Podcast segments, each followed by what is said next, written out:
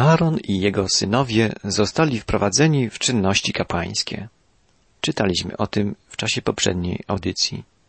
W zakończeniu ósmego rozdziału Księgi Kapłańskiej czytaliśmy, że po zakończeniu uroczystości Mojżesz polecił kapłanom pozostanie u wejścia do namiotu spotkania przez siedem dni. Był to dla nich czas na modlitwę, na medytację i na przygotowanie się do służby.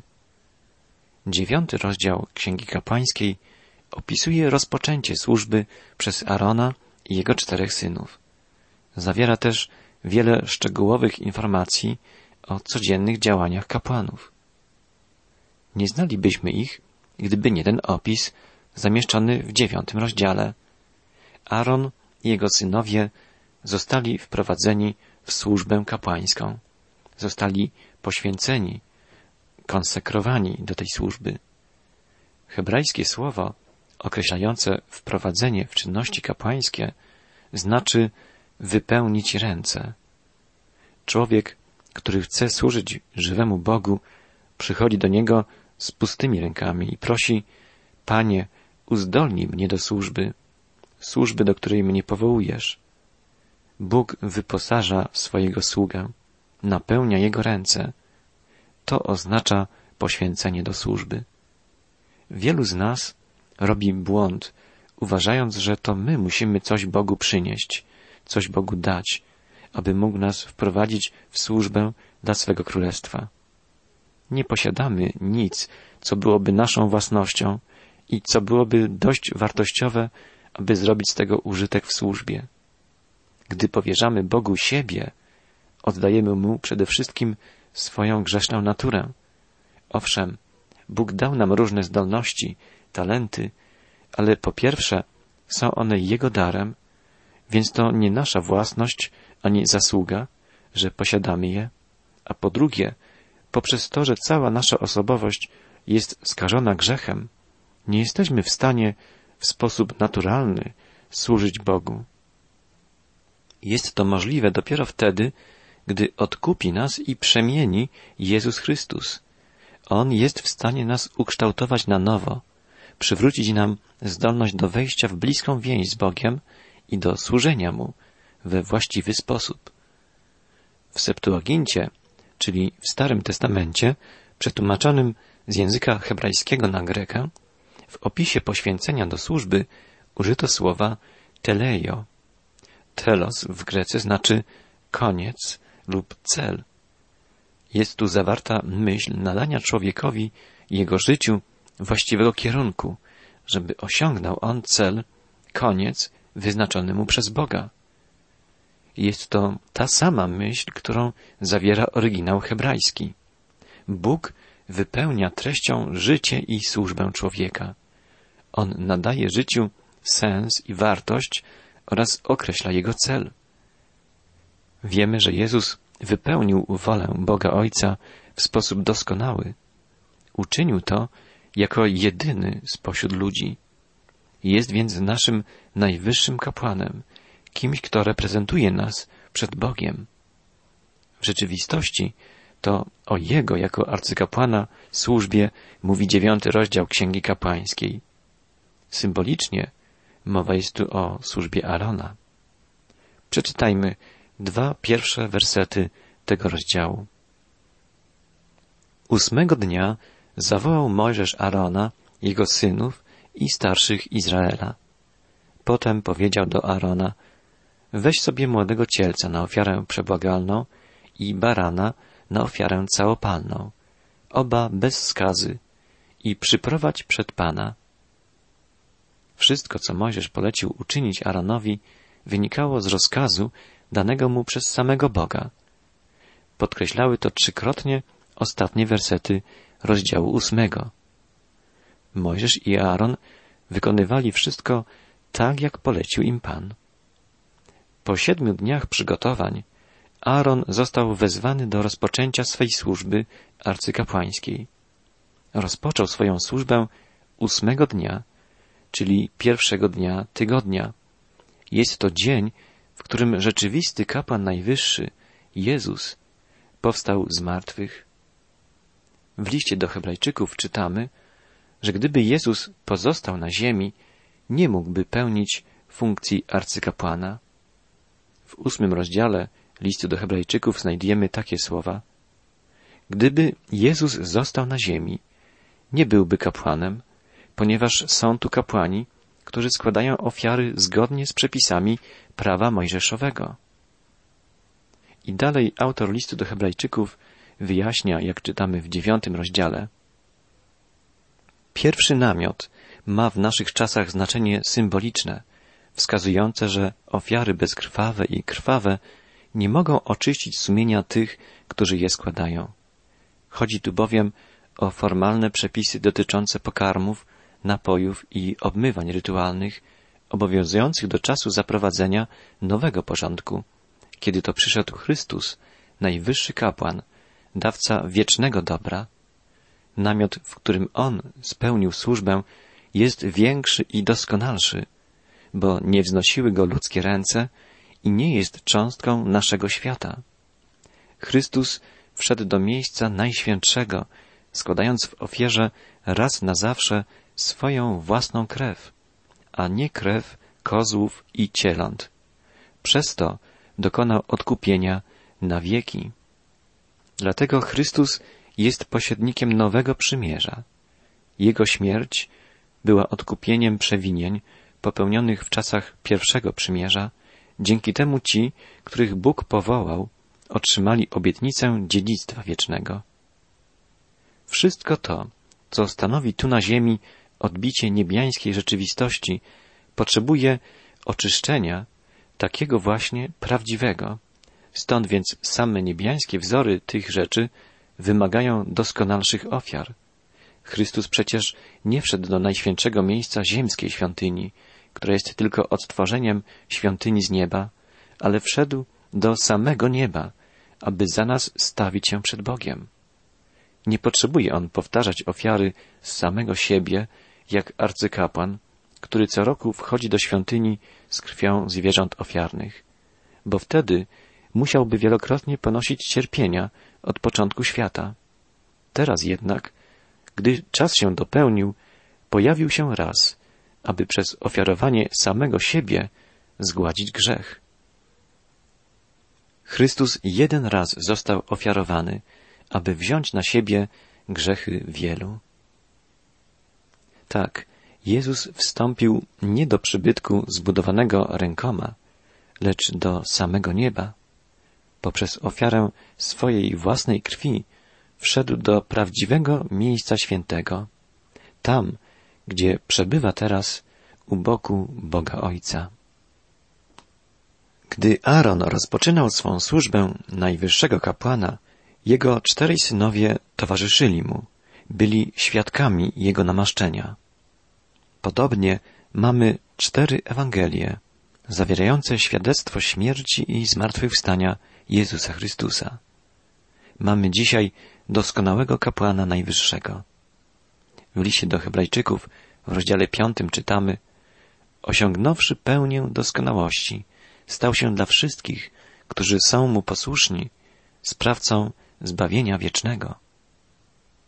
Jesteśmy posłuszni Chrystusowi, gdy wierzymy w Niego, gdy ufamy Mu, gdy ufamy Jego dziełu, jesteśmy Mu posłuszni, gdy wypełniamy Jego wolę, gdy postępujemy według Jego słowa.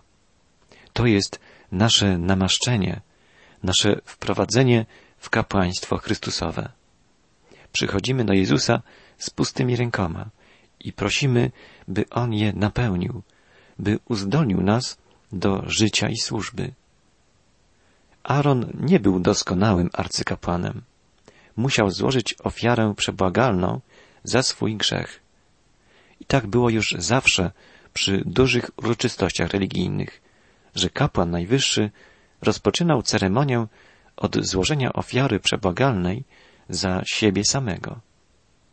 Poprzez to wyznawał, że nie jest doskonałym kapłanem, lecz że zapowiada tego, który przyjdzie po nim. Ten będzie prawdziwym arcykapłanem. Jak czytamy w liście do Hebrajczyków, będzie arcykapłanem, który nie musi codziennie, jak inni arcykapłani, składać ofiar najpierw za własne grzechy, następnie za grzechy ludu. Uczynił to bowiem raz na zawsze, gdy ofiarował samego siebie. Następnie, jak czytamy w dziewiątym rozdziale Księgi Kapłańskiej, Mojżesz polecił Aranowi. Do Izraelitów tak powiedz. Weźcie koziołka na ofiarę przebłagalną, cielca rocznego i baranka rocznego, obydwa bez skazy na ofiarę całopalną. Cielca i barana na ofiarę biesiadną, aby je ofiarować przed Panem, a także ofiarę pokarmową zaprawioną oliwą, bo dzisiaj Pan wam się ukaże. Aaron miał polecić ludowi złożenie wszystkich rodzajów ofiar poza ofiarą zadośćuczynienia. Nie była ona na samym początku potrzebna, gdyż lud nie miał jeszcze czasu na to, by popełnić grzech. W tym momencie lud składał regularnie ofiary całopalne, przebłagalne, biesiadne ze zwierząt, z cieląt, owiec, baranków, kus i kozłów oraz ofiary pokarmowe. Już pierwszego dnia, jak czytamy, miała się Izraelowi ukazać chwała Pana. Jest to obraz rzeczywistej drogi do Boga, obraz drogi otwartej dzięki ofierze niebiańskiego kapłana najwyższego, Jezusa Chrystusa. Przyprowadzili więc to, co im nakazał Mojżesz przed namiot spotkania. Potem cała społeczność zbliżyła się i stanęła przed Panem. Wtedy Mojżesz powiedział, oto co Pan nakazał uczynić, aby chwała Pana wam się ukazała. Do Arona zaś Mojżesz powiedział, zbliż się do ołtarza, złóż ofiarę przebłagalną i ofiarę całopalną. Dokonaj przebłagania za siebie i za lud. Złóż dar za lud i dokonaj przebłagania za nich, tak jak Pan rozkazał. Aaron i jego synowie i lud uczynili wszystko tak, jak im polecił Bóg. Czytamy dalej. Wtedy Aaron zbliżył się do ołtarza i zabił cielce na ofiarę przebłagalną za siebie samego. Synowie Arona podali mu krew, a on umoczył palec we krwi, pomazał nią rogi ołtarza i wylał krew na podstawę ołtarza. Tłuszcz, nerki i płat tłuszczu, który okrywa wątrobę ofiary przebłagalnej, zamienił w dym na ołtarzu, tak jak Pan nakazał Mojżeszowi. Mięso zaś i skórę spalił w ogniu poza obozem. Ten fragment opisuje szczegółowo, jak Aaron składał ofiarę przebłagalną za siebie samego. Składa ją jako pierwszą w kolejności. Dlaczego? Początek Księgi Kapłańskiej podaje nam inną kolejność ofiar. Jako pierwsza opisana jest tam, jak pamiętamy, ofiara całopalna. Tak, lecz tam ofiary są uporządkowane w kolejności wynikającej z Bożego punktu widzenia. Tutaj oddane jest spojrzenie człowieka, człowieka, który pragnie przyjść do Boga, pragnie się zbliżyć do świętego Pana. Ja i Ty jesteśmy grzesznikami.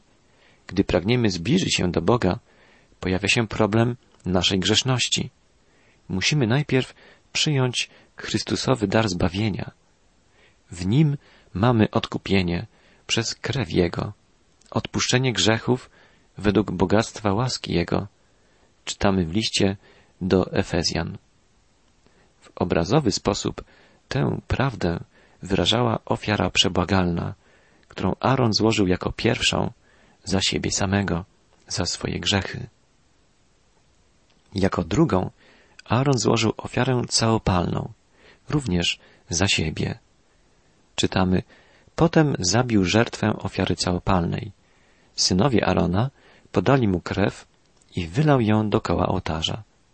Podali mu też podzieloną na części ofiarę całopalną, razem z głową, a on zamienił to w dym na ołtarzu.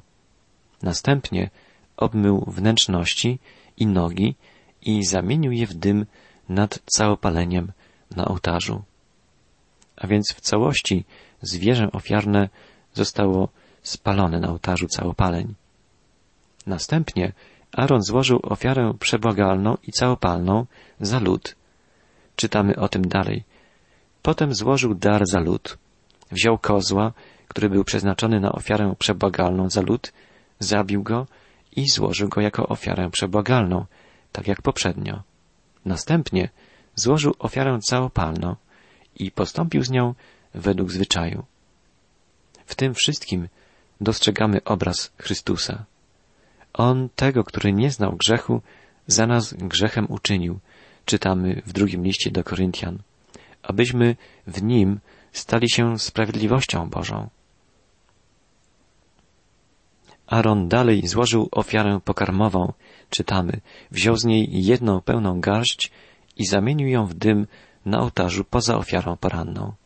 Potem zabił cielca i barana jako ofiarę biesiadną dla ludu. Synowie Arona podali mu krew, a on wylał ją dokoła ołtarza. Części tłuste położyli na mostkach, a on zamienił te części tłuste w dym na ołtarzu. Mostkami i prawymi łopatkami natomiast Aaron wykonał gest kołysania przed Panem, tak jak nakazał Pan. Ofiara pokarmowa została spalona zgodnie z rytuałem, podobnie ofiara biesiadna. Aaron jako przedstawiciel całego ludu przyniósł te ofiary Bogu, rozlewając krew zwierząt dokoła ołtarza. Wykonał też gest kołysania mostkami i prawymi łopatkami przed Panem. Jak wiemy, było to symbolicznym błaganiem o łaskę. Jak pamiętamy, prawa łopatka, czyli prawie ramię zwierzęcia, wskazuje na moc Chrystusa, a mostek, czyli pierś, na wielką miłość Jezusa. Ponieważ Aaron uczynił wszystko tak, jak polecił mu Bóg, cały lud został przez Pana przyjęty. Nadchodziło Jego błogosławieństwo. W końcowym fragmencie dziewiątego rozdziału Księgi Kapłańskiej, czyli trzeciej Księgi Mojżeszowej, znajdziemy taki wspaniały opis. Następnie Aaron podniósł ręce w stronę ludu i pobłogosławił go. I zszedł po ukończeniu ofiary przebłagalnej, ofiary całopalnej i ofiar biesiadnych. Mojżesz i Aaron weszli do namiotu spotkania.